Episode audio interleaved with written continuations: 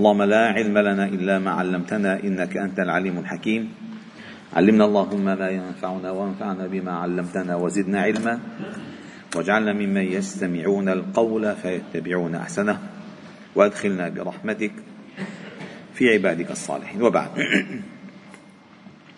فلا نزال معكم أيها الأحباب الكرام في مجالس القرآن ضمن دروس قرآن الفجر.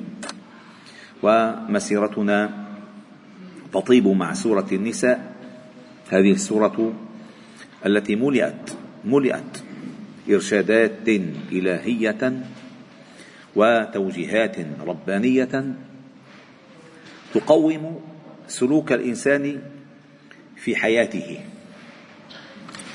العلاقات أيها الأحباب الكرام العلاقات عندما تنشأ حتى تستقيم حتى تستقيم ينبغي أن يضع الإنسان نصب عينيه.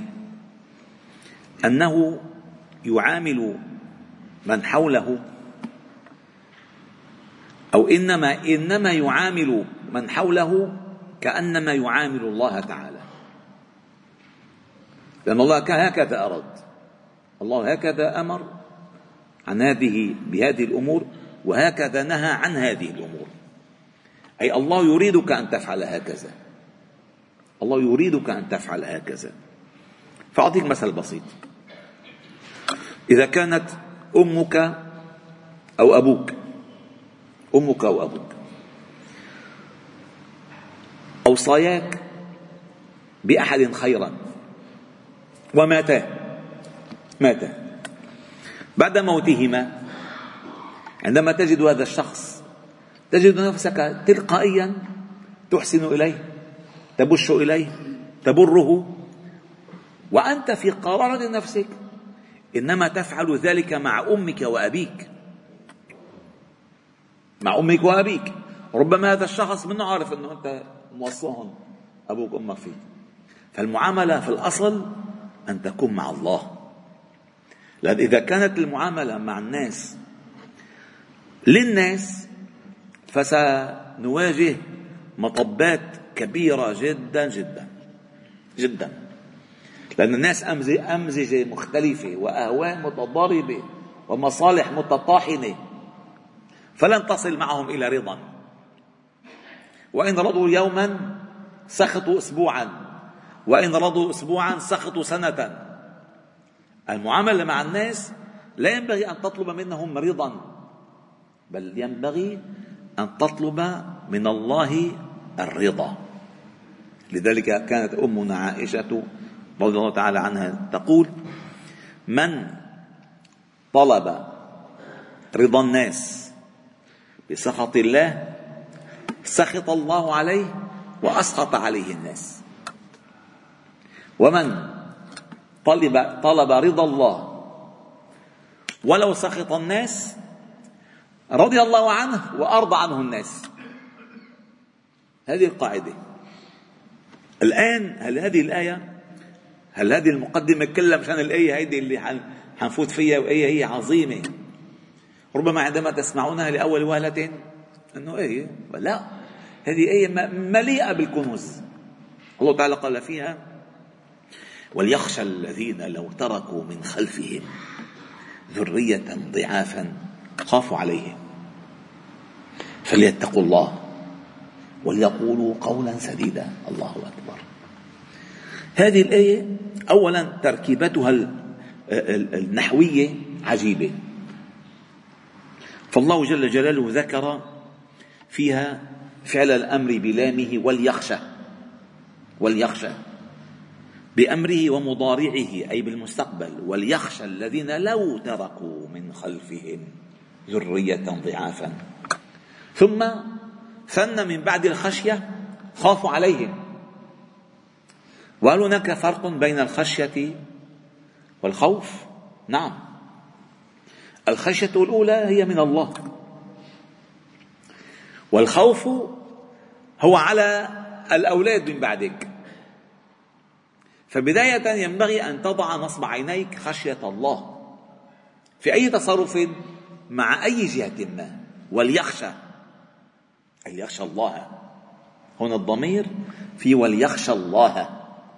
وليخشى الذين لو تركوا من خلفهم ذرية ضعافا خافوا عليهم. نعم شو بنعمل فليتقوا الله خشية وليقولوا قولا سديدا يسجل لهم بعد بعد موتهم. ما صورة هذه القضية أيها الأحبة الكرام؟ للعلماء في هذه الآية أقوال كثيرة ولكن أشهرها وهو الذي اتجه إليه الإمام ابن كثير وغيره من كبار المفسرين أنه عندما يحضر الموت أحد الناس يحضر الموت أحد الناس. فعندما يحضر الموت ولو يعني قرب قرب قرب الموت منهم قرب الموت منهم.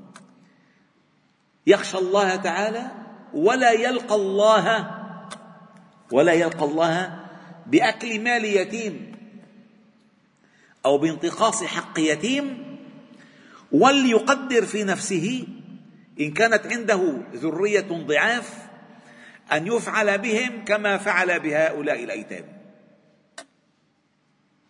شفتوا كيف؟ يعني انتبه. عندك أنت أيتام لأن كل السياق على اليتيم. من أول الآيات إلى الآن يأتيم يأتيم يأتيم يأتيم طيب حضرك الموت أو كاد أن يحضر الموت. هناك فرصة أن تصحح. لأنك إن لم تصحح سيكون في ذلك في أولادك.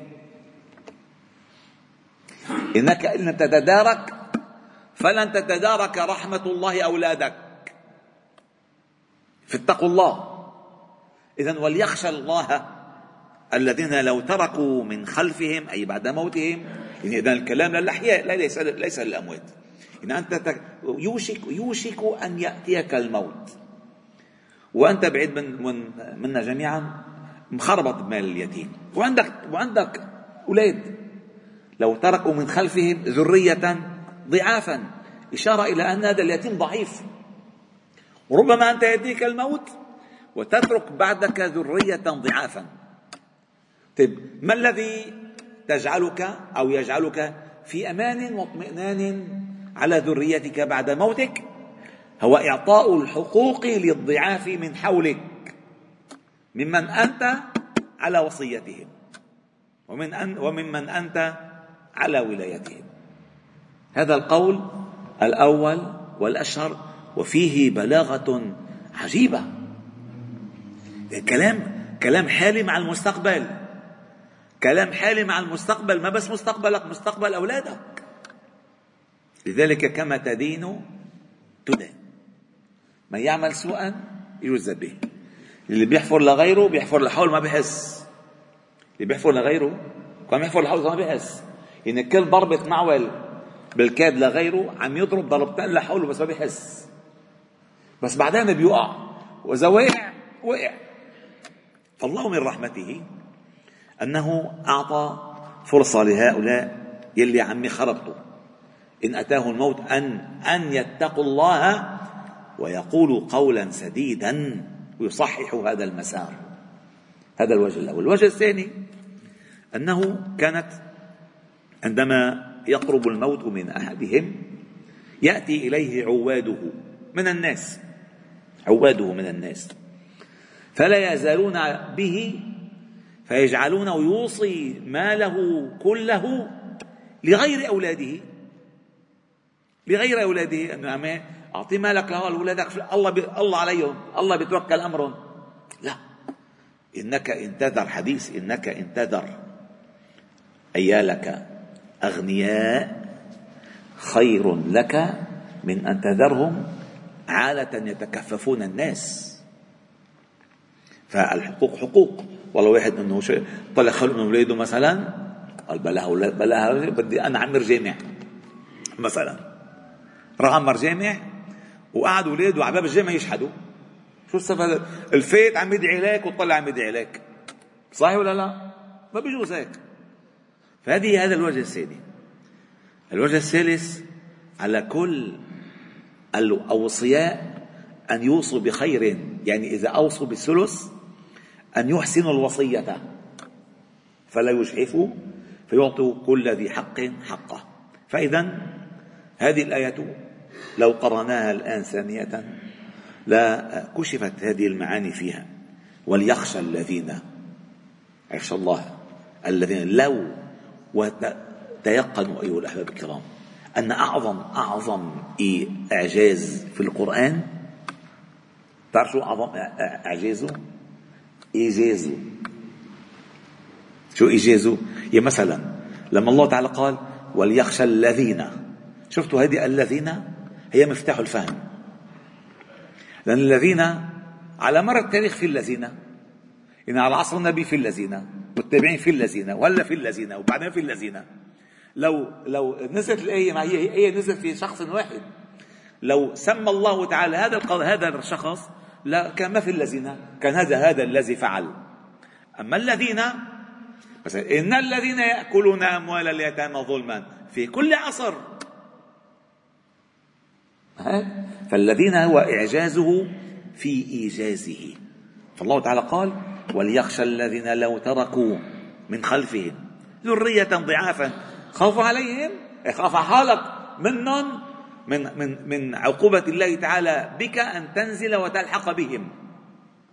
فليتقوا الله وليقولوا قولا سديدا. فليتقوا الله في هذا المال في هذه الأيتام في هذه الأولاد ولتقول قولا سديدا عند وصيتك وفي كل شيء عليك أن تكون صاحب قول سديد والسديد أي مصيب أي أصاب الهدف منه كلام هيك على عاهنه أو على مثل ما مثل ما يريد أن يقول. إذا هذه آية قاعدة أساسية. لذلك أتت بعدها إن الذين يأكلون أموال اليتامى ظلما إنما يأكلون في بطونهم نارا وسيصلون سعيرا. والحمد لله رب العالمين. سبحانك وبحمدك نشهد أن لا إله إلا أنت. نستغفر ونتوب إليك وصلي وسلم وبارك على محمد وعلى آله وأصحابه أجمعين والحمد لله رب العالمين.